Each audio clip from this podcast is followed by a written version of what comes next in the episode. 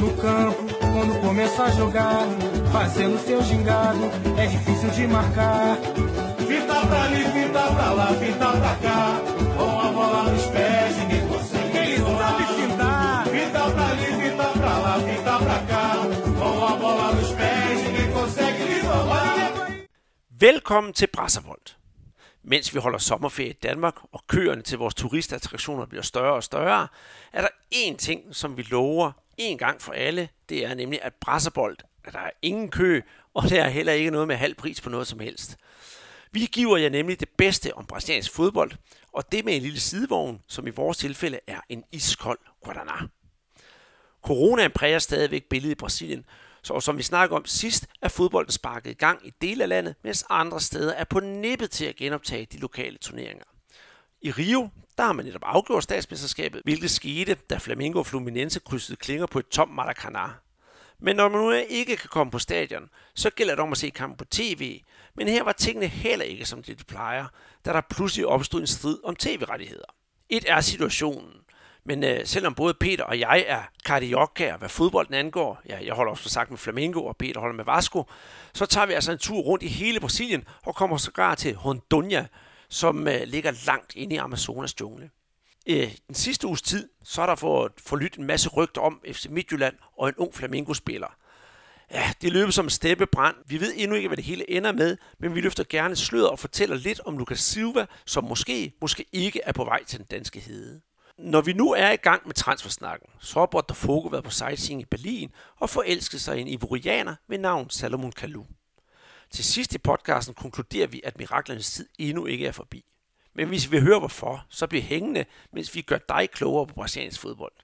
Mit navn det er Andreas Knudsen, og jeg sidder på min plads i det kronjyske, mens Peter Arnhold er blandt mange millioner andre mennesker i storbyen Belo Horizonte. Og velkommen til, Peter. Det er dejligt, at vi nu endnu en gang kan snakke om øh, brasiliansk fodbold, og vi forhåbentlig nu kan få mere kontinuitet i vores øh, podcast, som jo måske har ligget sådan lidt øh, og, og, og, og, og svømmet lidt her på det sidste, netop på grund af, af, af coronakrisen. Og når jeg siger coronakrise, så øh, er der jo stadigvæk mange historier om tingene nede i Brasilien. Hvordan står det til nede hos, øh, hos dig, både sådan generelt, også sådan lidt øh, på det fodboldmæssige? Ja, hvis vi snakker om corona, situation her i Belo Horizonte, så er, er den på, ja, vi er på vej til at, at pike her. Vi har været lidt øh, lang tid om at komme i gang, øh, mens øh, det, det hele har, har blusset i Rio de Janeiro og São Paulo og, og Ceará. Øh, øh, men men nu, nu er vi på gang, og, og, øh, og det gør så også, at der er større sikkerhed end vi har haft tidligere. Altså, vi har jo altid haft det der maskepåbud, det kom ret hurtigt øh, i, i gang. Og øh, så var der jo noget med nogle, nogle butikker og noget, det har vi snakket om øh, tidligere. Ikke? Men, men der, har de, der havde de åbnet lidt, og nu har de trukket en lille smule til, tilbage igen. Så, så der er jo ikke så meget nyt her, øh, fra, i hvert fald fra, fra min front. Men øh, altså, jeg, jeg nyder selvfølgelig, at der er kommet gang i, i fodbolden igen. Øh, jeg er selvfølgelig lidt... Øh, bekymret over, om, om det måske er for tidligt, ikke? og det, det er jo også noget, vi kommer ind på lidt, lidt senere, i hvert fald i en af delstaterne, hvor der til synligheden har været sådan et, et, øh, et, et slag øh, tilbage i forhold til, hvad man havde håbet på.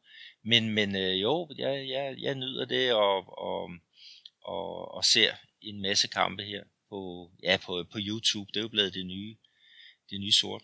Og så, og så også med corona, så, så havde jeg faktisk været igennem til God Aften Danmark og skulle fortælle lidt om, hvordan det nu var nu, når, når, når vores præsident Bolsonaro, han også havde fået, fået den her virus, øh, det som han selv kaldte for en, en øh, mild øh, influenza. Ikke? Så, så jeg var lige pludselig dukket op i primetime, og det var jo lidt, lidt sjovt, fordi jeg havde købt sådan et øh, kameraholder, sådan at det hele skulle se lidt mere professionelt ud.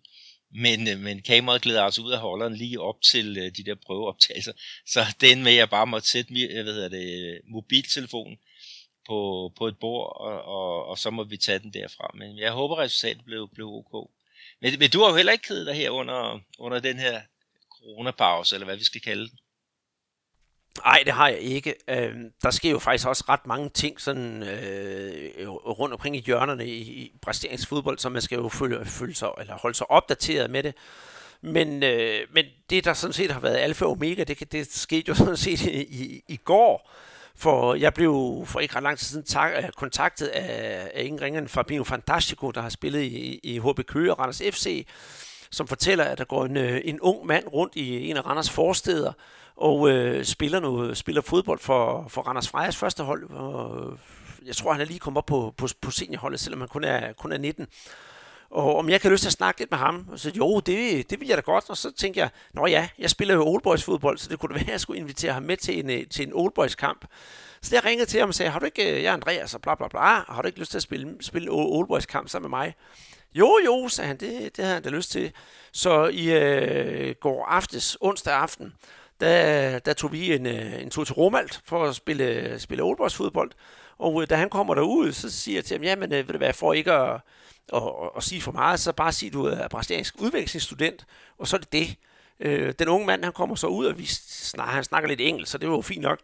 Øh, en hik, som han hedder.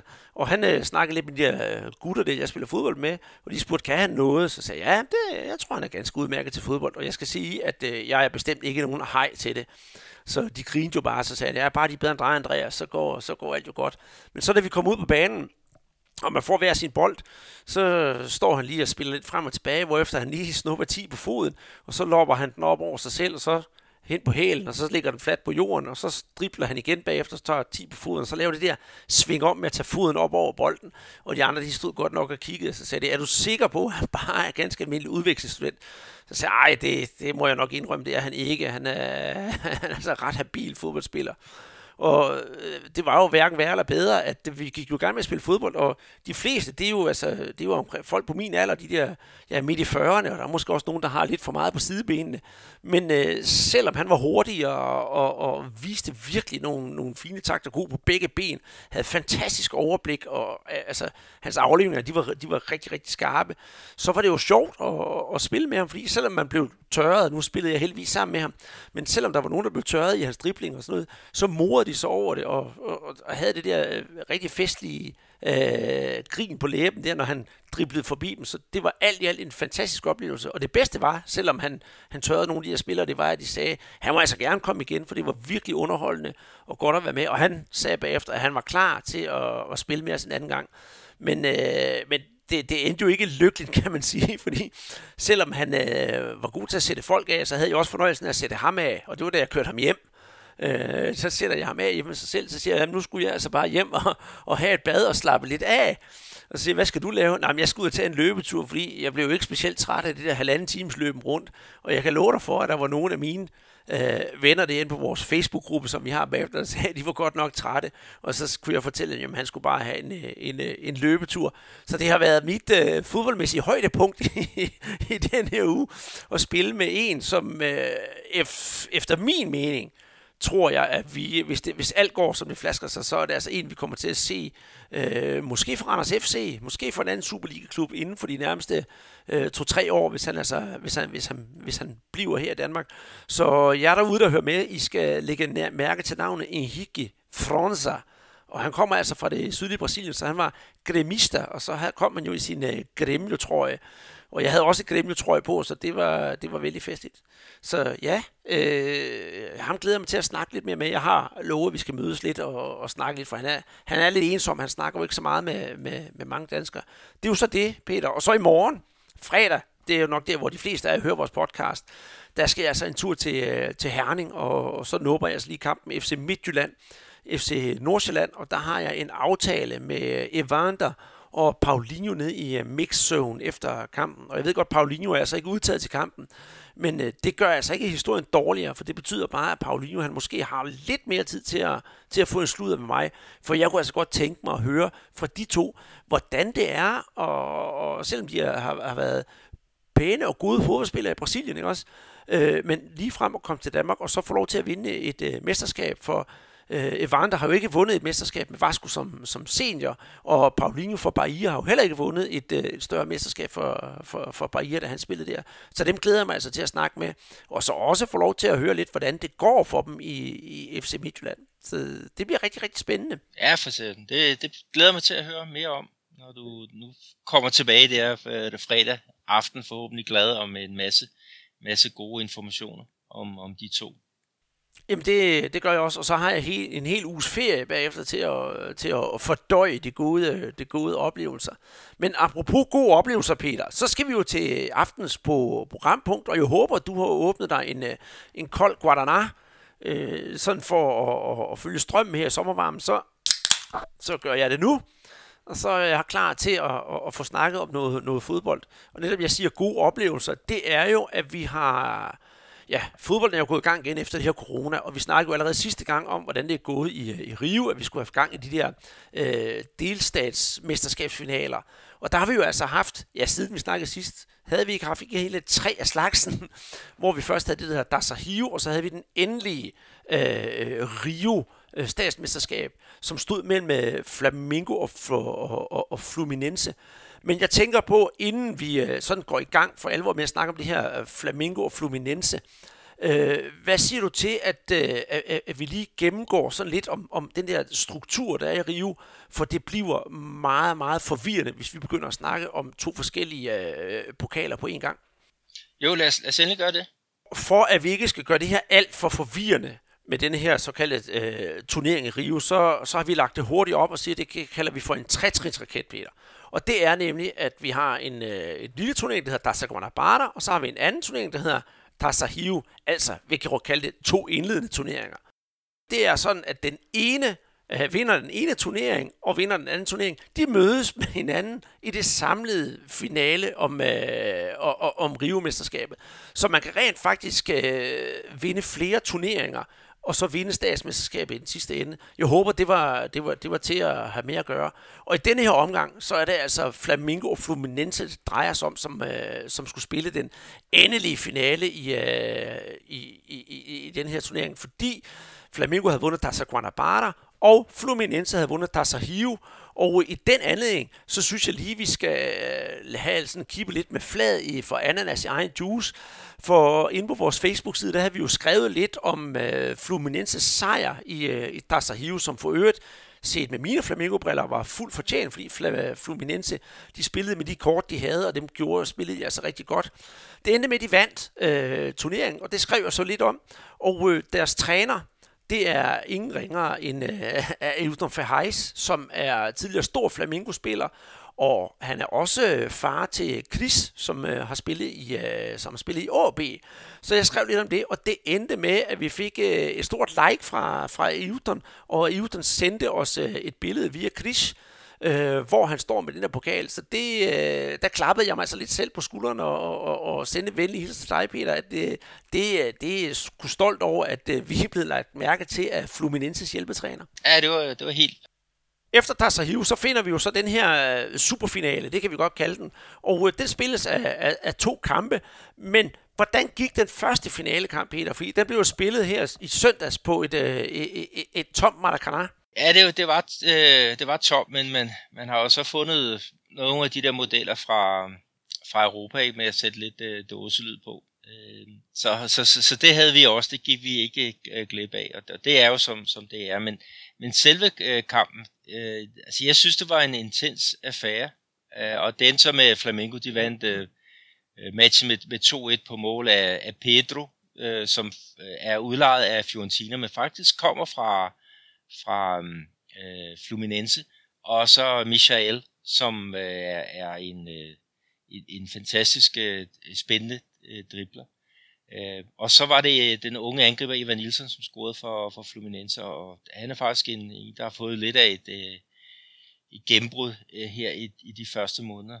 Og øh, det bliver spændende at følge den her Fluminense angriber fremover. Og Gabi Goal, han, han var så med i, i hele kampen, eller næsten hele kampen, må man sige, ikke? og han trak overskriften i, i to tilfælde. Øh, han lavede et fantastisk flot øh, assist til Flamingos mål til, til 2-1. Og så i overtiden, øh, hvor han øh, trækker sit andet gule kort, og, og det er i forbindelse med en, en udskiftning. Og, og det, ja, det, det er sådan en, en, øh, en situation den sidste, ikke, som, som virkelig har fået folk øh, ud af øh, ud af starthullerne med, med kritik både mod den, den ene og den anden. Men, men det er således, at de fører 2-1 på det tidspunkt, øh, Flamengo, og, og øh, Jorge Jesus han vil så gøre Øh, øh, klar til sin udskiftning, og han ville så tage Gabi Goal ud, og så sætte en, en stopper ind. Situationen var, at, at fjerdommeren, han havde så fået hævet det der skilt op med det røde nital, fordi Gabigol skulle ud, og så det grønne firtal, fordi at, at stopperen, øh, Leo Pejada, han skulle, skulle ind. Øh, men der er altså noget forvirring øh, undervejs, og, øh, og Jorge Jesus, han kommunikerer med, med sin forsvarskæde for at fortælle lige, hvad det er, der skal ske øh, dernede med den indbyrdes placering. Og det ender så med, at dommer Wagner Di Nascimento øh, Magallanes, han simpelthen spørger, hvem er det, der skal ud? Og Gabi Golde, så ham, der svarer, det er mig for helvede. Han bruger det ord, der hedder porra, som er et, et, et, øh, et bandeord hernede. Øhm, og øh, det fik øh, altså dommeren til at reagere, og han ser så det gule kort op, og da Gabi Gold allerede havde set gul i første halvleg, så, så endte det jo med, at det blev, blev rødt. Så Leo Pejada, han kommer altså ikke ind, og, øh, og Gabi Gold, han kunne så se, at han gik glip af en, øh, en, ja, den, den anden og afgørende øh, finalekamp mod, mod Fluminense. Og så det der med, med, med, hvad det var, han egentlig blev vist ud for. Altså dommeren, han siger, at det er, er for protest eller upassende sprogbrug. Øh, altså jeg synes, den lugtede meget af det der tidsudtræk. Men når man kigger på, på hele øh, sekvensen, så tog der altså ja, 30 sekunder fra at øh, fjerdommeren han hævde det der øh, udskift, udskiftningsskilt op, og til Gabigol han var ude ved, ved sidelinjen. Men altså, hvis, hvis han bare er lidt vagt, så er han derude i løbet af, af 5 sekunder. Så der, uanset hvad, så er der noget tidsudtræk øh, indover. Øhm, så, så, så uanset hvad, jeg synes selvfølgelig, det er en hård dom, men jeg kan et eller andet sted også godt øh, se det. Altså, over tid, så skal man altså også øh, ikke rende rundt og, og dankdere den inde på banen. Altså, når en skilt kommer op, en nummer kommer op, så skal man også ud med, med rimeligt øh, i, i kvikt tempo. Men øh, det, det gjorde Gabi Goal ikke. Nej, og ved du hvad, Peter? Jeg lægger kortene på bordet og siger, jeg orker simpelthen ikke alt det der brok fra, hvad nu vil jeg godt, godt kalde ham ikke Gabi Go, men Gabi Gardon, fordi han tilrander sig så mange, øh, øh, vi kan godt kalde det ligegyldige øh, kort, altså gule kort, og nu endte det jo som hans rødt i den her kamp, på grund af øh, brok og tåbelige ting på det punkt, der vil jeg altså gerne snart have, at han bliver lidt mere voksen. Og så må han bare, bare holde sin kæft og retter sig ind, og så må han altså brokke sig bagefter, i stedet for at, at, at, at få den her tåbelige udvisning. For det ender jo så med, at han ikke kan være med i, i, i returkampen. Og så var der jo net mange spekula- spekula- spekulationer på, jamen, hvad, hvad skal de gøre uden at begå i den her returkamp? Øh, Flamingo, øh, hvis vi tager det stats her fra den første kamp, så, så var der jo altså en en, en, en, en næsten en lige deling mellem øh, boldbesiddelse 58-42. Det, det er jo næsten ligeligt. Og så afslutningen af 9-15, det er jo også sådan nærmest ligeligt. Og Fluminense, de gjorde altså, hvad de kunne. På papiret har de jo ikke et bedre hold end Flamengo, det kan vi ikke sige. Nej, det er langt, langt fra øh, lige så godt. Ja, nemlig, nemlig. Så det, de skulle gøre, det var bare at komme med et hårdt pres på Flamingo, sådan lidt dortmund i gamle dage, også en pres, og så håbe på, at Flamingo begår nogle fejl, og så straffe den, den vej igennem. Og det gjorde de jo faktisk rigtig, rigtig godt i her i den første kamp, og det kunne man jo så frygte, de skulle gøre igen i anden kamp. Og når Flamingo er uden deres store profil Go, så kunne man jo godt begynde at ryste lidt i bokserne. Ja, det, det kan man godt, men det, der så også lige skal med til historien, det var, at øh, deres hurtige løber, øh, Bruno Henrique, han var ikke med i det første opgør, så det vil sige, der kunne man godt presse øh, højt op. Øh, han var så med i det andet opgør i stedet for, for Gabby Gold. Han var så skadet i, i den første finale. Og det gjorde så, at, at øh, hvis de gik højt op og presse, så ville de være rigtig, rigtig sårbare øh, i, i bagrummet. Så, så de havde en lidt anden approach til, til den her øh, finalekamp øh, nummer to. Men, men alligevel, om de ikke stod så højt, så kom Bruno Henrique, han havde jo en, en kæmpe, kæmpe chance, hvor han, han blev spillet alene igennem og, og, og, og brændte, da han kom ud lidt for, for spidsvinkel. Men, men han er en, en giftig øh, spiller, og, og blev også kåret til, til den bedste øh, i Copa Libertadores sidste år. Så, så de har jo bare en, en, en, øh, en trup med, med så meget kvalitet og så meget dybde, øh, så, så Fluminense har svært ved at følge med. De skal, som du siger, være, være meget kollektiv og være, være sindssygt gode Mm. Jamen, lige, lige, lige præcis.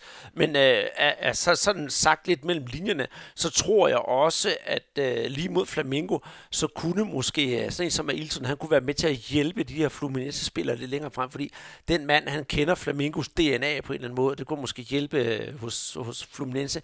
Men det skete jo altså ikke, fordi øh, returkampen, som blev også spillet på et, øh, et, et, et tomt øh, Maracanã, øh, den endte jo altså med en, øh, med en Flamingo-sejr. Men inden vi snakker lige om, øh, om den anden kamp her, Peter, så tænker jeg på, om øh, vi skal spille et lille skiller allerede nu, hvor, vi, øh, hvor I kan høre, hvordan det lyder, når man laver en radiooptakt i Brasilien til de her kampe, fordi det er jo Flamengo Fluminense. Det kan vi ikke komme udenom, selvom de er to sådan lidt skæve hold på, på nuværende tidspunkt, så er det jo en klassiker inden for, for brasiliansk fodbold, og det er noget, man rigtig glæder sig til at se, både hos øh, Flamengo-tilhængerne og hos øh, Fluminense-tilhængerne. Og på den lille radiostation, øh, jeg kan faktisk ikke huske, hvad det lige nu, men det, det siger de selv i, øh, i, i, i jinglen i, i byen Petropolis, der var man altså klar til den her kamp og havde øh, journalister på stadion. Så lad os lige høre, hvordan det lyder sådan optag til kampen, og så lad os øh, snakke om anden kamp øh, bagefter. Neste domingo tem decisão do Campeonato Carioca de Futebol. Direto do Maracanã, Fluminense e Flamengo. Acompanhe pela difusora o primeiro jogo da final com a nossa equipe de especialistas. Narração Ney Carvalho, comentários André Luiz, reportagens Henrique Magini, Léo Macaxeiro e Kleber Vieira. Fluminense e Flamengo.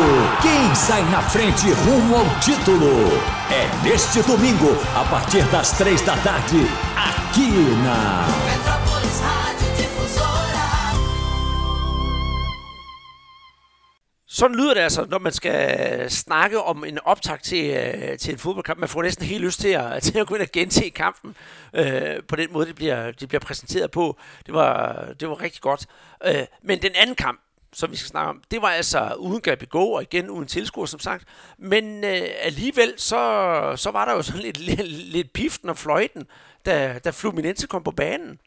Ja, det er rigtigt. Det var jo Flamingo, der havde hjemme øh, kamp her, så, så det var dem, der rådede over højtaleranlæggene på, på stadion, og de mente jo så, at det var passende, at Fluminense de fik lidt, lidt buen og piften, da, da de kom på banen, og det var faktisk sådan, det var meget, meget, øh, meget sjov lille lille gimmick. Øhm, så, så, så, så vidste vi ligesom, det var finale. Det må, det må man sige. Og bare for, at, øh, der skal være sådan et eller andet, øh, hvad kan man sige, øh, ramachan på stadion, så havde Flamingo, de havde jo lavet en, en kæmpe, kæmpe tifo, hvor der stod 42 millioner af mere. Altså det vil altså sige alle de her Flamingo-fans, der er, er, er rundt omkring i verden. Og det fyldte altså den, hele den ene langside på Maracanã. Så i dagens aviser i, i Rio, der har man altså kunne se sådan nogle billeder taget af, jeg ved ikke helikopter eller droner, hvor man kan se Maracanã ovenfra, så kan man se det der 42 millioner af ja, Super, super flot. Men det betyder altså ikke, at Fluminense de ikke også kan finde ud af at lave en tifo, for netop til den første kamp, der ville Fluminense gerne skaffe sig flere hvad hedder det, fans og betalende fans til deres, øh, til deres afdeling. Og så havde de lavet en kæmpe øh, tifo, lidt ligesom Flamingo, hvor der stod hashtag Epeloflu, altså det er for Fluminense, som også fyldte hele den ene langside. Og der havde man sådan også foregrebet sig sådan lidt på den miljøvenlige side. Hvor miljøvenlig, det ved jeg nu ikke, om det var. Men øh, man havde i hvert fald gjort et stort nummer ud af at sige, det er altså gamle tifoer, man har samlet sammen og så har man klippet sammen og simpelthen lavet en, jeg kan godt kalde en collage, for at lave en helt ny tifo. Og det var altså også flot, så jeg synes, at begge fanklubber, om det er Flamingos og Fluminense, de har altså gjort et kæmpe, kæmpe, kæmpe stort stykke arbejde for at, jeg kan sige, sætte, sætte sig op til den her kamp, selvom der ikke måtte være tilskuere. Ja, det er jo positivt. Også det der med, når der ikke er nogen inde på stadion, så må man da gøre opmærksom på, hvem der er udenfor. Og det, det lykkes der både for for øh, Fluminense og, og Flamengo. Det er absolut. Men øh, selve kampen, der kan vi altså kun sige, at øh, returopgøret her, det var altså Flamingos, øh, Flamingos aften. Hvis de manglede et gear i det der Dasahio, hvor de, øh, hvor de tabte til, til Fluminense, og i den første kamp, så øh, havde de altså lige fundet det til, øh, til aftens opgør, eller nattens opgør. Fordi det var klart det bedste hold på banen, og selvom Flamengo ikke fik scoret, så havde de altså øh, flest chancer, og Fluminense var, synes jeg i hvert fald, kun farlig på deres uh, kontraangreb, og det var også egentlig det, Fluminense prøvede at spille spille på. Men som det nu er, så i kampens døende minutter, hvor Fluminense de jo nok satte sig hatkat og regnfrakke, så måtte de altså betale den ultimative pris, da Vitinho han, øh, han scorede i overtiden. Og det kan man også se, øh, hvordan det der Flamingo var det bedste hold i, øh, på, på, på statistik for kampen, fordi der var jo en boldbesiddelse 66 34, og ved hensyn til afslutningen, så havde ja, Flamingo 11, og så havde, hvad hedder det, øh, Fluminense 4. Men Udover at Flamengo har vundet den her, øh, hvad hedder det, det her statsmesterskab for, jeg kan ikke engang huske, om det er 35 eller 36 gang nu her, så var det jo egentlig ikke det, der, stra- der, der trak de aller, aller største overskrifter. Det var nærmere nemlig det, som vi har valgt at kalde for TV-gate. For i Rio, jamen, der er der jo netop sådan gået sådan lidt øh, tv-galskab i den, og jamen, hvad er det helt præcis, der er med, med, med, med Flamingo og, og, og Globo og TV, Peter? Ja, det, det er en sjov udvikling, fordi hernede, der har øh, Flamingo altid blevet kaldt for FC Globo, fordi det var altid øh, klubbens kampe, der blev vist på, på, på øh, ja, den der øh, store fodboldsøndag, som man har hernede, ikke? hvor at, at der er, er gratis tv med, med et hold fra en kamp fra den bedste række, øh, typisk. Øhm, og, og det er jo også noget af det, der har været med til at skabe Flamingo, at, at de har så mange fans, som, som de har, fordi de er så populære. Jeg kan nok kigge lidt på det i forhold til derhjemme, ikke, hvor vi har været det Brøndby blandt andet, ikke, som, som næsten, ja sammen med FCK, er, er dem, der kæmper om, om at have flest øh, fans ude i, i Danmark. Men, men øh, jeg ved ikke, om det er fordi, at, at klubben ville have flere penge, men, men Globo havde i hvert fald lavet en, en aftale med, Rives øh, fodboldforbund. Øh, der er jo 12 hold, der er med i den her bedste række, og øh, Globo havde så rettighederne til, til dem, og der var, ja, alle klubberne havde skrevet under på den her aftale, undtagen lige en klub, og det var så øhm, um, Flamingo. Og, og et eller andet sted, så kørte det jo bare videre der, men efter corona-pausen, øh, og man skulle til at, at, at spille fodbold igen, så valgte øh, Flamingo at så vise øh, deres kampe på øhm, øh, deres YouTube-kanal, øh, Flag, Flag TV. Og, og, øh, og det blev en kæmpe succes. Altså der var, um, og flere millioner, der, der tunede ind på, på den her kanal, altså i hvert fald øh, samtidig, altså det hvor det peakede. Og, og, og øh, det var jo også med til at give sådan et andet kedeligt signal til, til, til Globo, ikke? altså tænk hvad I går glip af. Men det fik den konsekvens, at øh, uh, Globo de sagde så deres aftale op med, øhm, med øh, Rio, øh, fodboldforbundet i Rio, og de valgte simpelthen ikke at vise flere kampe øh, derfra. De betalte alle klubberne, hvad, hvad de havde krav på ifølge aftalen, øh, men så, så heller ikke mere. Så det åbnede så også muligheden for, at, at, øh, at øh, da den første, øh, at da, der hedder det, Fluminense og, og Flamengo skulle spille den, den første øh, finale, at så kunne flu-tv, ligesom Flag TV havde, havde vist øh, nogle kampe, så kunne de også komme på. Ikke? Og, og det, det blev en kæmpe succes. Altså, der var ja, 3,5 millioner øh, seere øh, inden samtidig, da det hele pikkede øh, under, under den her øh, kamp. Øh, så så det, det et eller andet sted, så har vi fået et eller andet opgør med, med det her øh, tv-monopol, eller fodboldmonopol, som, som Globo egentlig har haft. Og det er sådan meget godt i linje med, med det, som øh, Brasiliens præsident Bolsonaro, han har været ude og, og lave, fordi han bryder sig absolut ikke om Uglobo. Han synes, at de, de kritiserer ham alt for meget. Øh, og, og det gjorde, at han lavede sådan en lille ekstra lov, som, som gjorde, at hjemmeholdene kunne, kunne selv aftale, øh, hvem de ville øh, have skulle sende kampen. Og det, det gjorde Flamengo så i hvert fald brug af, og det gjorde Fluminense så også øh, senere hen at så kamp nummer to, den du, du snakker om her, øh, som Flamingo vandt øh, 1-0 på målet, det mål som øh, Vitinho lavede, den blev så vist på Flat TV, men, men så sandelig også på SBT, som er, er hovedkonkurrenten nærmest til, øh, øh, til, til Globo hernede. Så, så der er rigtig kommet gang i, i sagerne, ikke? Og, og nu har Globo, de har rettighederne til Serie A, som starter her den i august måned, ikke? og så må vi så se, hvad, hvad det betyder, mm. også for, for den aftale øh, fremadrettet. Altså den kører nogle år endnu, ikke? og der har alle øh, skrevet under, og det er Brasiliens fodboldforbund, som, som er garant for, for den. Ikke? Men, men jeg kunne godt forestille mig, at der er flere og flere, der vil gå i gang øh, her i fremtiden. Mm. Men, men jeg vil altså godt have lov til at, at, at komme med en smule øh, malurt i bæret med det her, med det her YouTube-tv og så videre, så videre. Det har været fantastisk øh, på, på, på det punkt, at vi her hjemme i Danmark har kunne sidde og følge med i kampene. Det har været, været fornøjeligt, at man ikke øh, nogen skal, skal ud og finde et eller andet lumsk stream et eller andet sted fra. Nej, helt ærligt. Bang, helt lovligt. Nu kan vi sidde og se det. Selvfølgelig med brasilianske kommentatorer, og så er det jo hjemmeholdets øh, kommentatorer, der, der bestemmer, så der er ekstra glæde, når hjemmeholdet scorer. Men til at starte med, der havde Flamingo jo også sat det op på en øh, streamingportal, hvor man så skulle, øh, hvor man så skulle betale Øh, og, og, og det synes jeg egentlig øh, skæv, øh, vred det sådan lidt skævt, fordi øh, til en af kampene, der betalte jeg de der penge for at sidde og se kampen, og så viste det sig, at de samtidig viste den på deres øh, YouTube-kanal, og, jeg tog det nu ikke så, så, så tungt, fordi det var ikke den store store, øh, det store beløb, man skulle leve 40 kroner eller sådan for at se den fodboldkamp. Men der var jo mange, øh, som, som virkelig faldt i svimål til, hvordan kan de tage tillade sig, at man skal betale for en kamp, som alligevel bliver vist.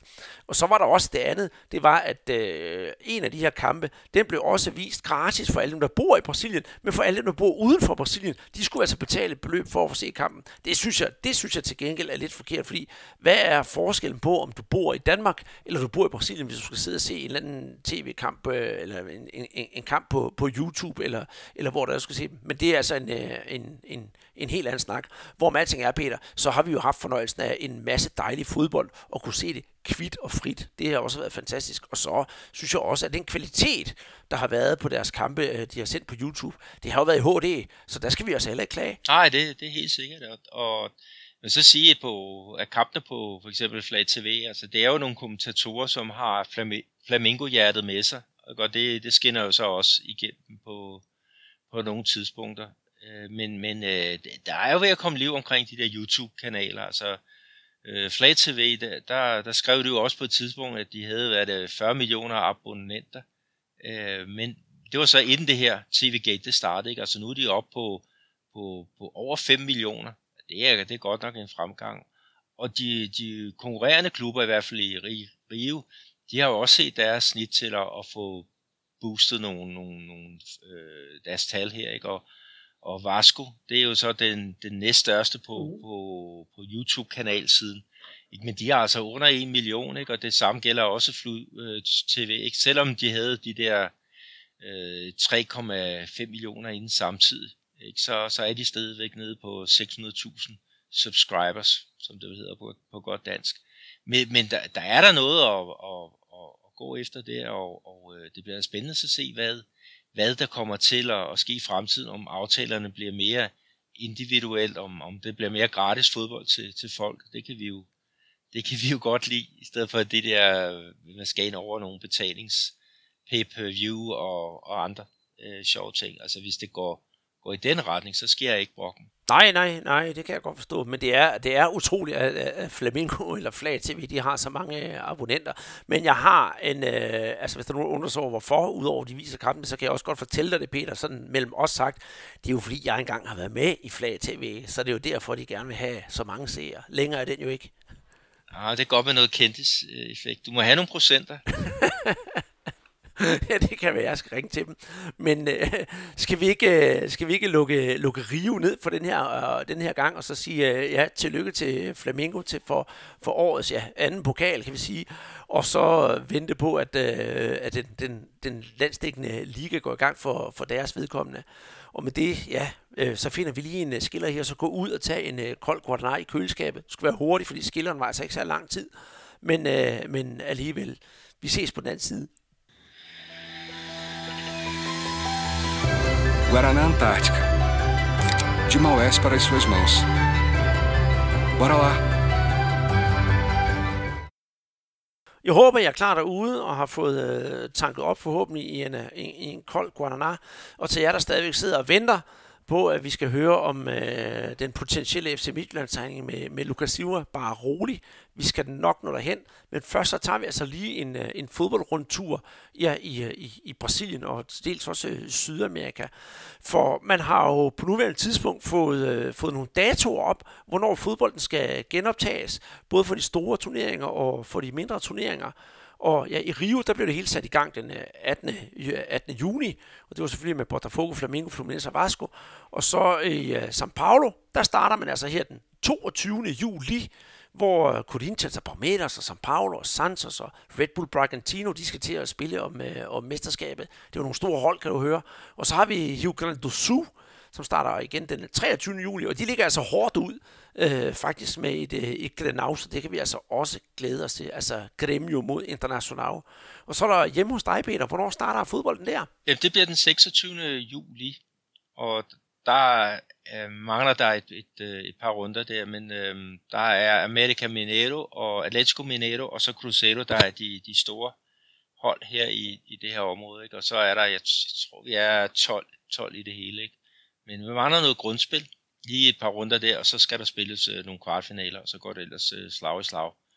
Øh, og så må vi så se, hvor, hvor kampen skal spilles, øh, fordi vi har jo mine ravn her omkring, men øh, der er lidt problemer med den, så, så i øjeblikket så snakker de om, at vi skal bruge Sete Lagoas øh, Arena do, do, do Chacaré, altså øh, krokodillens øh, hvad hedder, arena øh, øh, til, til de her kampe. Men øh, vi må se, hvad, hvad det ender med. Og som sagt, vi er jo ved at pike her, så, så der er nogle ekstra øh, foranstaltninger, der skal laves for, at det, skal kunne fungere. Mm. Ja, for det skal jo ikke gå, som øh, hvis vi nu kigger på nogle af de, de, de, de lidt øh, mindre turneringer, kan vi, kan vi godt sige, hvor der ikke er så de her kæmpe store hold med, hvor, øh, som for eksempel i, i, i Santa Catarina. Det blev sat i gang den 8. juli med, med fire kvartfinale kamp, øh, men lige pludselig så kom der jo et, øh, et, et noget af et bum på vejen. Ja, det viser faktisk, at øh, Chapecoense, altså folk kan jo huske øh, den her klub, som var igennem det der frygtelige, ja, det, den der frygtelige øh, flyulykke for, er det snart tre år siden, der, der, ja, hvor der smadrede et, et, et helt hold. Øhm, det viser faktisk, at de havde øh, 14 tilfælde af, øh, af hvad hedder, covid-19 øh, i, deres, i deres klub. Øhm, og det gjorde så, at returkampene de blev udsat her til den 28. og 29. juli. Jeg skal lige tage med Chapecoense, altså det hold, som de spiller mod Avaí, de har ikke et eneste tilfælde. Øh, så, så noget tyder på i hvert fald, at der ikke var nogen af spillerne, der var ramt af det her coronavirus øhm, af dem, der var på, på banen i hvert fald, men, øhm, men sikkerhed frem for, for alt. Øhm, og så er der også en anden, øh, hvad skal vi kalde lidt ekstremt tilfælde. Rondonia, altså det er jo en stat, øh, der ligger op til, til Bolivia. Der har man først sat starten til, til november. Og det har altså betydet, at, øh, at af de 11 hold, som, som er med i den bedste række her, der er altså seks af holdene, der har trukket sig. Og heriblandt altså de forsvarende mestre fra Villinense. Øh, og det, det er jo en, en, øh, en meget speciel situation. Men altså fem, fem hold, der skal spille om, om mesterskabet, men øh, det gode er jo, at de kan jo nok nå at få det spillet færdigt inden året er om. Det må, det må man da håbe. Der er også et andet sted, hvor, hvor der virkelig er, er rav i den, kan man sige. Det er oppe i det er østlige Brasilien, nemlig i, i, i Pernambuco.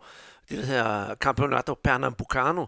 Og der har vi altså øh, en turnering, der starter her i weekenden allerede på søndag, hvor vi har et brag af en kamp mellem Sport Recife og, og Santa Cruz. Og til jer, der kender vores podcast, I vil kunne ikke genkende til, til de her to, øh, to hold, der skal møde hinanden. Ja, der har man altså valgt den diplomatiske tilgang til, øh, til at starte turneringen op, så både forbund og klubber og statens politikere, de skulle være så nogenlunde enige. Så det er altså endt med en løsning her, hvor man starter på søndag, men øh, desværre, så er det jo altså ikke alle hold, der har haft samme forberedelsestid. Hvilket så kan ende med, at den her turnering, den ikke ja, går, som man måske forventer i, at hvem er favoritter osv. De 10 hold, som er med i turneringen, de mangler altså kun en enkelt runde inden slutspillet, hvor man skal finde ud af, hvem der ja, rykker videre til de afgørende kampe, og så hvem der rykker ned i anden division. Og der er det altså sådan, at øh, ja, Sport Recife og Santa Cruz, de skal mødes, og de har altså haft tid til at træne. Det er altså de der klubber, der har penge og har råd til også til at få covid-testet deres spillere. Men de mindre hold, som for eksempel øh, Petrolina, Central, Saugero, de har altså kun trænet siden mandag, fordi de har ikke kunnet blive testet for, for, for corona, så de har altså haft langt mindre træningstid.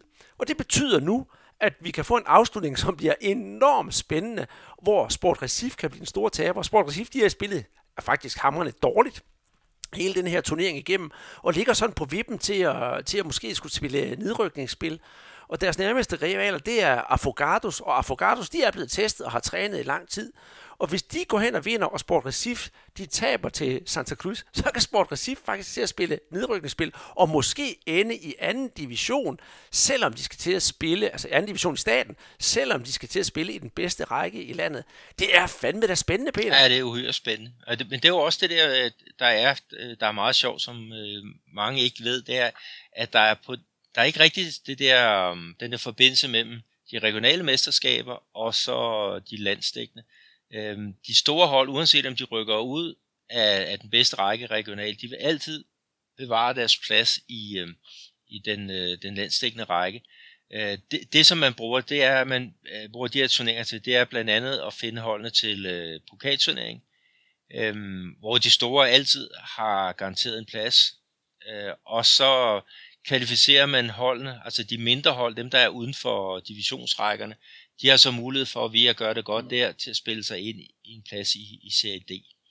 Øh, så så det, det har jo ikke den store konsekvens for, for sport øh, Recife, selvom øh, det selvfølgelig koster noget på, på renommet, hvis de skulle en tur ned i den, den næstbedste række øh, i øh, Pernambuco. Ja, det, øh, det er rigtigt. Jeg, jeg, det, jeg glæder mig faktisk til den her kamp, og jeg tror, øh, jeg vil se, om jeg kan finde et eller andet sted, hvor jeg kan øh, finde, ud, finde ud af at se kampen her på søndag.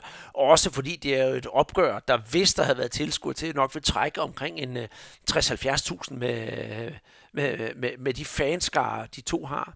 Men hvor alting er, hvis vi sådan runder det hele af og ser det med det store, øh, med det store helikopterview, så starter serie A og serie B i Brasilien den 9. august og slutter altså den 24. februar 2021, altså først i næste kalenderår. Og det er jo det, man må tage med her øh, på grund, af, på grund af, øh, af corona. Og så er der altså også øh, med hensyn til serie B et lille arbejderbej, for øh, ja, det synes jeg næsten, du skal have lov til at fortælle, Peter, for det er jo Cruzeiro, som holder til i, øh, i, i, i din by, Belo Horizonte. Ja, Cruzeiro, de har jo rigtig meget rod i økonomien. Altså, de har jo haft øh, en ledelse, som i den grad har ageret uansvarligt og har gældsat klubben, så man tror, det er løgn. Der over en, en milliard, som, som de skylder væk, og det, det betyder, at man ikke rigtig kan betale sine regninger. Og øh, de havde lejet en spiller på et tidspunkt, øh, nu kan jeg ikke lige huske hvorfra, men, men øh, man har i hvert fald ikke fået betalt øh, de udgifter, som man havde med, med det til den, til den afgivende klub. Og det har så gjort, at FIFA de har, har gået ind og, og tildelt dem med et straf på minus 6 point, og det kan godt blive, blive endnu flere, fordi at, at der er flere udbetalte regninger.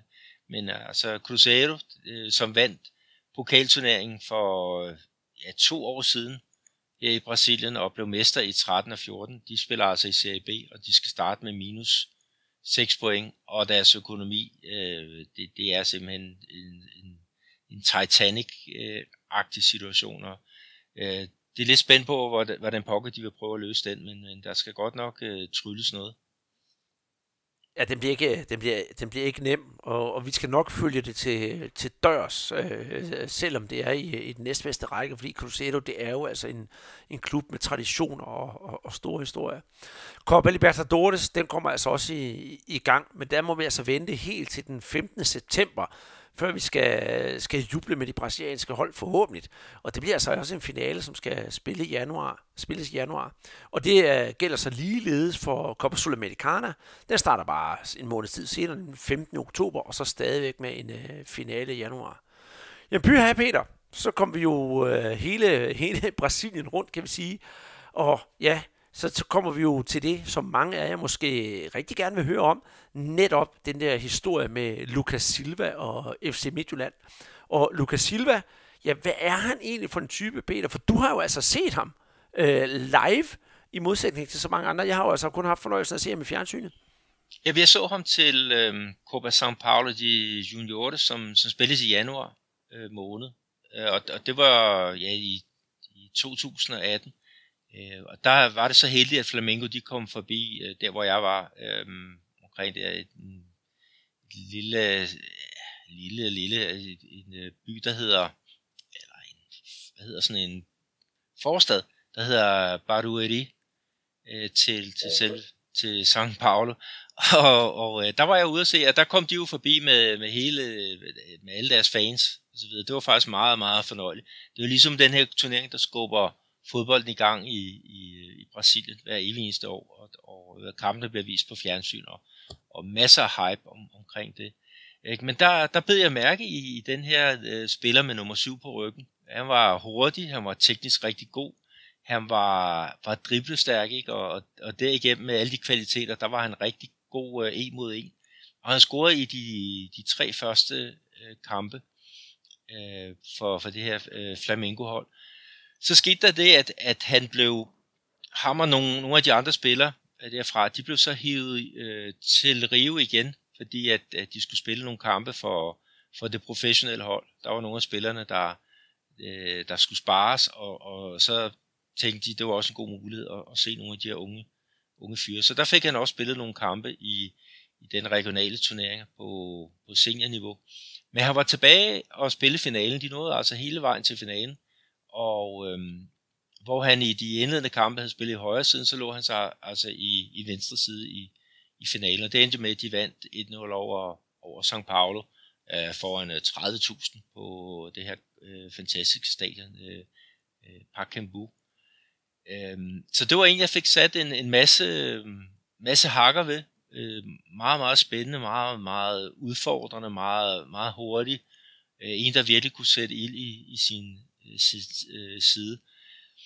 Øh, han fik så også sin debut i, i Serie A, og det var så i oktober 2019. Øh, det er under deres relativt nye træner på det tidspunkt, Jorge Jesus. Og det var en udkamp mod Atletico Paranaense. De er jo en klub, der er kendt for at spille på grund, kunstgræs. Og deres træner sagde, at Lucas Silva, altså med de redskaber, som, som han har, øh, så var han ligesom en perfekt spiller til, til sådan en hurtig bane. Ikke? Og han spiller i højre siden, får skabt nogle, nogle rigtig gode chancer, og får som endda også fremprovokeret et straffespark, da han øh, modtager bolden og dribler direkte mod sin, øh, sin, øh, øh, sin forsvarsspiller, og accelererer, altså dribler sig væk fra ham, og, og, og modstanderen øh, begår så straffespark øh, mod ham. Øh, men, men var gik så ind og fik den annulleret. Nu har jeg ikke, fordi det var skuespiller eller noget, men, men øh, de, de følte, at, at øh, forsvarsspilleren Leo Behera, som nu spiller i, i, i Flamengo, han var, han var uskyldig i den her situation. Øhm, jeg var så ikke helt enig. Men han får karakteren 6,5, og det er rigtig, rigtig flot for en, en debutant, ikke? og han udgår så træt i, i anden halvleg. Øhm, så her i år, der har han jo så haft øh, fire kampe for, for Flamingos øh, professionelle hold der i de her delstatsmesterskaber. Øh, I den første kamp mod Macaé, det spiller 0-0, der får han en rigtig dårlig karakter, øh, har en kæmpe chance, og øh, som han ikke scorer på, og det, så, så det der, når man ikke scorer på sin chance, så når man brænder en direktør, øh, der, der havde han sådan en af de sidste i, i anden halvleg. Og det gør man ikke ustraffet som angriber i, i, øh, i Flamingo. Øh, mod Vasco, øh, det skal også lige have med, at vi på det tidspunkt, der var der jo tilskuere, der kom til kampene, og øh, de var ikke vildt øh, tilfredse med ham. Øh, så blev han matchvinder i den næste kamp mod Vasco da Gama, øh, og får en, en karakter, som er rigtig pænt, 6,5. Den tredje kamp, der spiller han øh, hele matchen, det mod Volta Redonda, og de vinder 3-2. Men han får igen kritik for at brænde en masse store chancer. Og mod Fluminense, der bliver han så indskiftet i en kamp, som Flamengo øh, taber 1-0. Og igen er det sådan en, en halvfesen karakter. Ikke? Men altså konklusionen, altså jeg, jeg, jeg synes han er en, en, øh, en meget, meget spændende spiller. Han er ikke, øh, han er ikke færdigudviklet endnu. Han har mange, mange ting, han skal lære endnu. Han er måske lidt indimensionel, hvis man skal, kan kalde det det. Øhm, han mangler stadigvæk noget med, med, med sit øh, hvad det, hovedspil. Det behøver man jo ikke normalt som, som angriber. Men altså, jeg, jeg ser ham mere som liggende på, på en af kanterne i et tremandsangreb. Måske centralt, hvis man skal spille lidt på, på kontra, netop kvæg hans hurtighed. Øh, men han kan også ligge frem i et øh, tomandsangreb, hvor der skal være typisk en, en lidt større øh, hovedstødstærk øh, spiller til at, som opspilstation. Øh, det, det er sådan, som jeg ser ham. Men altså, fire kampe og et mål, øh, stemplet som ustabil og brænder for mange chancer, og, og mange fans synes ikke, han er, han er værd at bruge noget, øh, noget krudt på. Så, mm, så jeg, er, jeg, jeg er lidt spændt på, på ham i, i, i dansk regi. Øh, jeg, kan, jeg kan nu godt se ham få succes, øh, men, men jeg ved ikke, hvor, hvor langt han er henne. Altså det må vi jo så se. Hvis vi kigger lidt længere tilbage, så vil vi sige, at i 19 der fik han altså 16 kampe, scorede ikke et eneste mål for, for Flamengos professionelle hold. Og i 18 der var der altså de der to kampe, øh, hvor der var et mål øh, i den regionale turnering, og på 20 holdet 14 kampe og fire mål. Øhm, er han starter for, for Midtjylland? Jeg, jeg tror, det er ligesom med, med Paulinho. Altså, han skal have et halvt år til at, at, at lære tingene at kende. Øhm, hvordan man nu spiller på, på heden. Øh, jeg sammenligner ham faktisk lidt med en spiller, der hedder Victor Gabriel. Og det er ikke fordi, de er samme type. Øh, Victor Gabriel er et par år yngre, han er mere sådan en central angriber, som jeg ser ham. Øhm, men de spillede på holdet sammen i Flamengo her i starten af året øh, mens øh, at de professionelle var, eller hvad hedder, stjernerne var på, på Copa Libertadores Sverige. Og Victor Gabriel, han er nu udlejet, udlejet til Braga, øh, øh som ligger nummer 4 i den øh, portugisiske liga. Et eller andet sted, så, så skal vi måske samle lidt Braga og, og Midtjylland. Altså, der, der håber jeg da, at, at Midtjylland, og det forventer jeg da, at de ligger på en lidt højere hylde end, end, end Braga. Og, øh, og det igen også noget med spillestil og, og så videre. Så. så hvis han kommer til, så øh, han skal nok bruge et halvt år. Det er sådan min umiddelbare vurdering. Jeg skal også lige sige, hans øh, backtracking, altså hvor god han er til at løbe tilbage, øh, det, det skal jeg ikke kunne sige, øh, om, om han, han, han skal lære nogle flere defensive pligter. Jeg, jeg ved det ikke, men altså øh, i en øh, 4-4-3-3 ude på kanten, kunne jeg forestille mig, eller en 4-4-2 som, som en af de to øh, helt fremme med en, med en lidt mere, en lidt større, fysisk stærkere angrebsspiller. Det er sådan umiddelbart, Mm, ja, og så overlader du jo intet til mig, Peter. du har jo sagt det hele nu. Men, øh, men, men, men ja, jeg vil bare underbygge lidt af, af, af det, du har sagt også. Altså, hvis han, øh, hvis han har for mange misser og sådan noget, så er det måske også, at han er kommet hen i det, selvom han er en fantastisk dygtig spiller, kommet hen i den der balje af, af, af lidt overflødige spillere hos Flamingo, fordi Flamingos trup, hvis man bare kigger den igennem, hvem der sidder på det, på, på det hold, så er det jo altså verdensklasse spillere i, på, på, på langt de fleste pladser passer, synes jeg i hvert fald. Og så øh, bliver han måske lidt til overs, og det er jo også det, at de kampe, han har haft her i øh, 2020, nogle af dem, han har haft, det har altså været, hvor det ikke har været Gabriel, eller hvad hedder det, også ikke Gabriel Jesus, men George Jorge Jesus, der har, der har været ved roret. Det har altså været, været, været hans hjælpetræner, som nu kommer det lidt sjovt, han hedder rent faktisk Jean de Deus, så det er altså Jesus, der er træner, og så Gud, øh, Deus, det betyder Gud, som er, som er hjælpetræner for Flamengo, og det er ham, der har givet ham, øh, ham, ham, ham spilletid.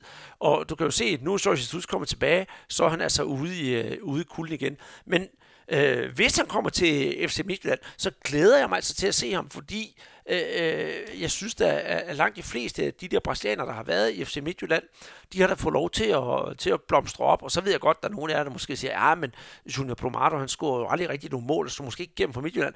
Nej, men så kom han jo til Silkeborg, hvor han faktisk blev øh, lidt af en spiller, der fik scoret nogle mål. Så alt i alt, så, så, så glæder jeg mig til, at vi skal få flere brasilianere i Danmark. Det er jo, det er jo også det der, det, det, der er noget, vi kan lide, ikke også? Fordi så kan vi møde dem på, ja, øh, på, på, på første hold og få en snak med dem. Øhm, ja, men også det der med mentaliteten, hvor meget den betyder. Altså nu, nu så vi jo med Paulinho, der sidste øh, i, i efteråret nærmest øh, blev udskrevet til at være udulig og var på vej væk fra, fra Midtjylland, og så brugte han vinterpausen til at blive skarpere på engelsk og, og blive dygtig på de taktiske aspekter. Ikke? Og selvom han var købt til sådan en slags vingbak, øh, der skulle ligge foran et tremandsforsvar, ikke? så gik de jo op til at spille med, med fire mand dernede der gik han jo ind og, og udfyldte den, den rolle øh, fantastisk godt. Ikke? Men, men igen, altså det jeg snakker også med en træner i hans, en af hans gamle klubber, øh, og han siger, at Paulinho er fantastisk øh, trænerbar. Altså han vil lære, han vil, øh,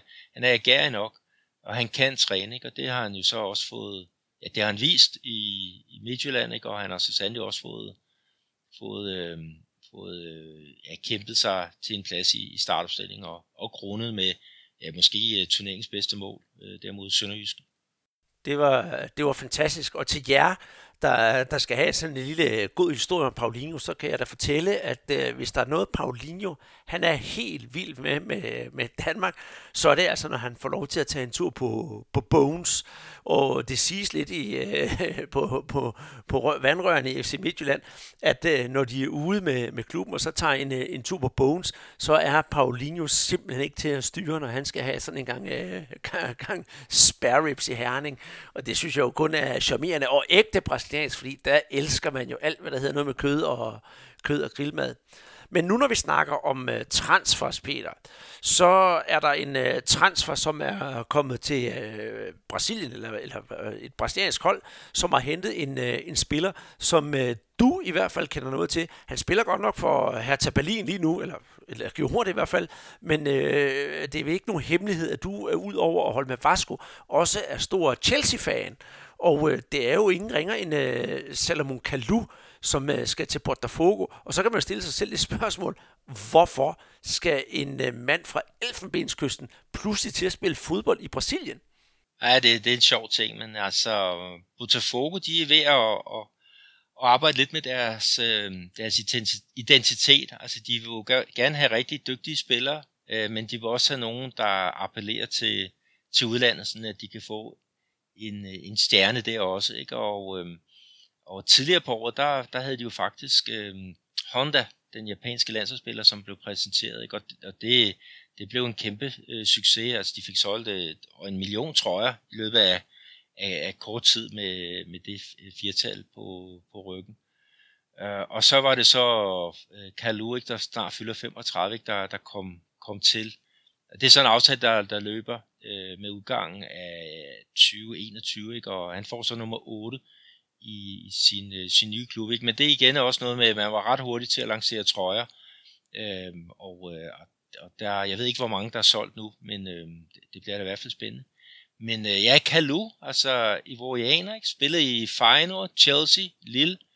Øh, han har vundet Champions League med Chelsea i det der fantastiske år, ikke? Og, og det blev også til to engelske mesterskaber og fire FA Cup øh, triumfer. Øh, landsholdsspiller for Elfenbenskysten, små 100 kampe og 28 mål, ikke? og masser af erfaring, altså to VM slutrunder, seks gange African Cup of Nations, og så i et uh, OL. Altså det er jo en, en spiller, som, som har en, en, en kæmpe ballast at tage med til, til Rio, ikke? plus han også er, er brasiliansk gift, så det, det hjælper også. Men, øhm, men øh, det, altså det er et spørgsmål der, hvorfor til Rio? Ja, et, god spiller. To, Øh, man vil gerne have internationaliseret sit brand øh, Botafogo.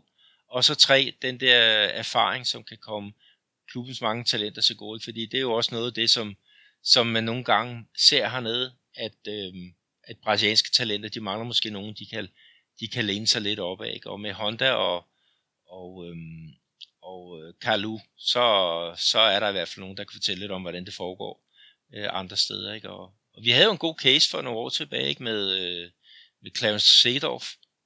Det havde vi. Han øh, var også lidt en overraskelse, at han skulle øh, til at spille i Botafogo, men han kom til klubben, og han gjorde det fantastisk, og virkelig fik, øh, fik sat noget drive i klubben. Det gjorde han også øh, sådan spilmæssigt, og fik dem op på, på, på lidt højere niveau, og endte med at være, være sådan, en, øh, sådan en, en klubdarling. Altså Botafogo, det er altså en af de klubber i Brasilien, som har fostret ufattelig mange landsholdsspillere, og den største af dem, det er jo altså Garhincha.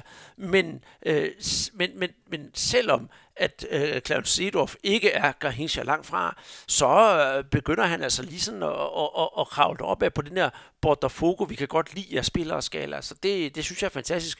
Og måske øh, hvad hedder det, øh, den gode Kalu, han kan gøre det samme. Også det, der vil sige, at han er, han er brasiliansk gift, så han skal nok hurtigt komme ind under huden på alle de her brasilianere i, i Botafogo. Og så, så var der jo det, der var en præsentationsvideo med ham.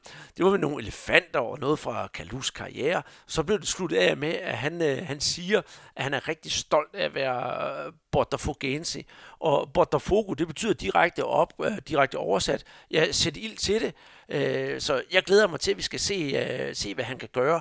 Også måske komme med lidt, øh, lidt mere, øh, nu snakker jeg om europæisk fodbold.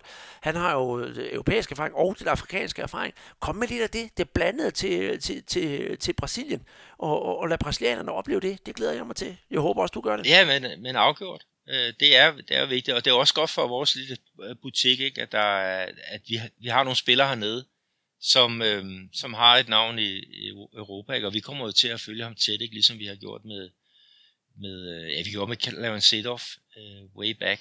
Ikke? Så jo, og Honda. Ja, altså øh, jeg synes, det er, det er også lidt positivt, at det ikke kun er andre sydamerikanere, der bliver, der bliver hævet ind, altså fra Colombia, Bolivia og Argentina osv., men nu kommer der også nogen fra, fra, fra andre nationer, sådan oversøiske. Men nu skal vi til at, og, og, og sådan komme til som mere den, den afrundende afdeling af, af vores podcast, fordi de sidste to ting, vi har på programmet, det er det, jeg sagde i øh, indledningen, at miraklernes tid er simpelthen ikke forbi øh, i, i, i, i Brasilien. For der er jo noget hjemme hos dig, Peter, som vi vist roligt kan kalde for miraklet i, øh, i, i, i Minas. Ja, det er rigtigt. Det er en, en spiller, øh, Enrique, som øh, har, er virkelig klubikon i, i Cruzeiro. Øhm, han øh, forleden, eller forleden, det er nogle uger siden, der styrte, styrte han simpelthen 200 meter ned i sin, sin bil, men, men overlevede alligevel.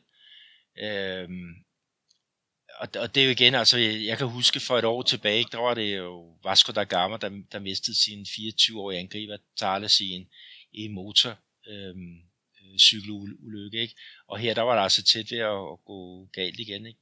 Øhm, han er 35 år, øh, Enrique, ikke? og han har haft et turbulent år. Som vi snakker om tidligere, så, øhm, så har Cruzeiro været ude for noget et, et, et nedtur, ikke? efter at de vandt to mesterskaber og, og to pokaltitler siden øh, 2013. Men de rykkede altså ud af den bedste række i, i 19. Og der var der altså med Enrique, der var, øhm, øh, der var, var anfører.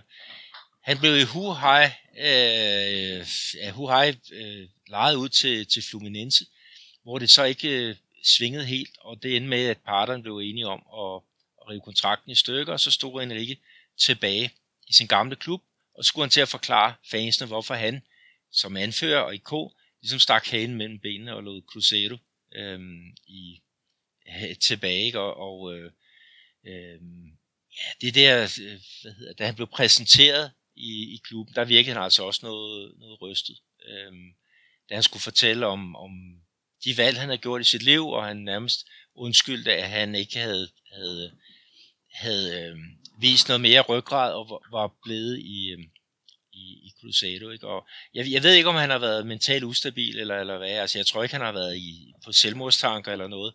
Men, men øh, det kan jo godt gøre noget ved ens køreegenskaber, øh, hvis man øh, er, er ude en, en, øh, en aften. Ja, det var ikke klokken, klokken 6 var det, så der har været lys, men han har altså mistet kontrollen over sin, sin bil. Det var så en Land Rover. Øhm, og det har nok reddet ham, fordi den styrtede altså ned øhm, de her 200 meter, Øh, og øh, selve uheldet, det blev meldt klokken 18, og så først fire timer efter, der var han på, på hospitalet, ikke, hvor han, han var noget, selvfølgelig noget omtumlet. Men man siger i hvert fald, at det der sikkerheds øh, system, som er i den der Land Rover, der har så reddet ham, altså plus en, en masse held. Men, men det er voldsomt. Øh, vi ved endnu ikke, hvad det er, der, der er sket, øh, men øh, vi ved i hvert fald, at jeg ved, at han træner derhjemme endnu, øh, og øh, øh, er vist blevet afhørt af politiet, for, for at vide, hvad, hvad pokker skete der, der er egentlig. Øh, så så det, det er et eller andet sted en, en, øh, ja, et mirakel, ikke? men men der var så sandt også et andet, andet mirakel, men det var så her for nylig. Ja, det, det kan man roligt sige. Øh, jeg ved ikke, om, om, om du kender Raimundo Miranda da Silva, en, øh, en aldrende herre. Der tror ikke, der er ret mange, der kender ham. I hvert fald ikke før i dag og i går i Brasilien. Øh, han er nemlig kommet på alle slæber for forleden af. Herr Raimundo, han er ikke mindre end 102 år gammel, og var en af de mange mennesker, som er så blevet ramt af det her øh, corona, covid-19. Han bor i, øh, i, i staten Macapá. Han har 13 børn, 36 børnebørn og 27 oldebørn. Og så er han, hold nu fast, kæmpe fan af Flamingo. Det er derfor, jeg sidder og siger det med sådan et dejligt smil på. Han kom altså på hospitalet med coronavirus overlevede. Og øh, ja, hvad skal man sige, han forlod hospitalet, ja, der glemte han jo ikke, at han var flamingomand. Så Raimundo, han blev der kørt afsted, øh, kørt ud af personalet i en rullestol, iført sin flamingotrøje, mens personalet sang Uma vei flamingo, og så videre og så videre. Og øh, jamen, kan det blive mere ja, øh, mirakelagtigt, det kan vi godt kalde det, men altså også hjerteligt på en eller anden måde, at sige, okay, jeg har overlevet en, øh, en sygdom, og så øh, det første, jeg tænker på, øh, det er min øh, fodboldklub. Og når vi slutter af her om et, om et øjeblik, så er det da også selvfølgelig Flamingo-hymnen, Uma Vase Flamingo, I kommer til at, at høre. Men inden vi gør det, så skal jeg altså sige, at I skal huske at gå ind og følge os på vores Facebook-side, for der skriver du, Peter, som en i, som, som en gal mand i helvede, med simpelthen den ene fede opdatering efter den anden. Det var en fornøjelse at læse. Og øh, hvis man også vil følge os på andre platforme, for eksempel Instagram, der er vi ikke så aktive, men gør det alligevel. Og så er der vores Twitter-profil, hvor der også er, er, er daglige nyheder. Skriv endelig til os på brasserbold.dk og stil os gerne alle mulige spørgsmål, hvad brasiliansk fodbold angår. Så skal vi nok prøve at svare efter bedste beskub. Og så har jeg en lidt, øh, her afslutligt, en lidt dårlig meddelelse det er, at vi har tidligere reklameret for, at man kan støtte os inde på det, der hedder tier.dk. Og det er der nogle af jer, der gør allerede, og det er vi enormt glade for.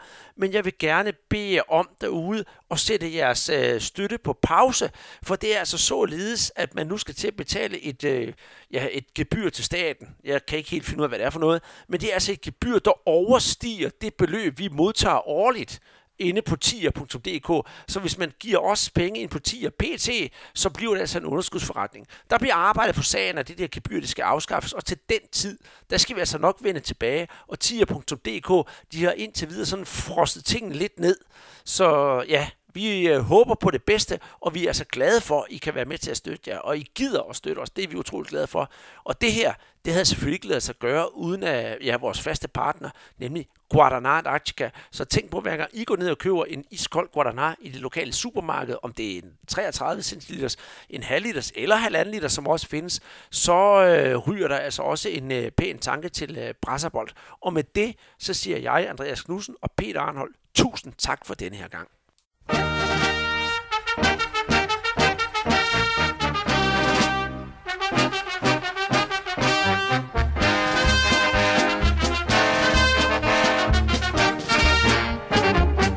Uma vez Flamengo, sempre Flamengo. Flamengo sempre eu hei de ser.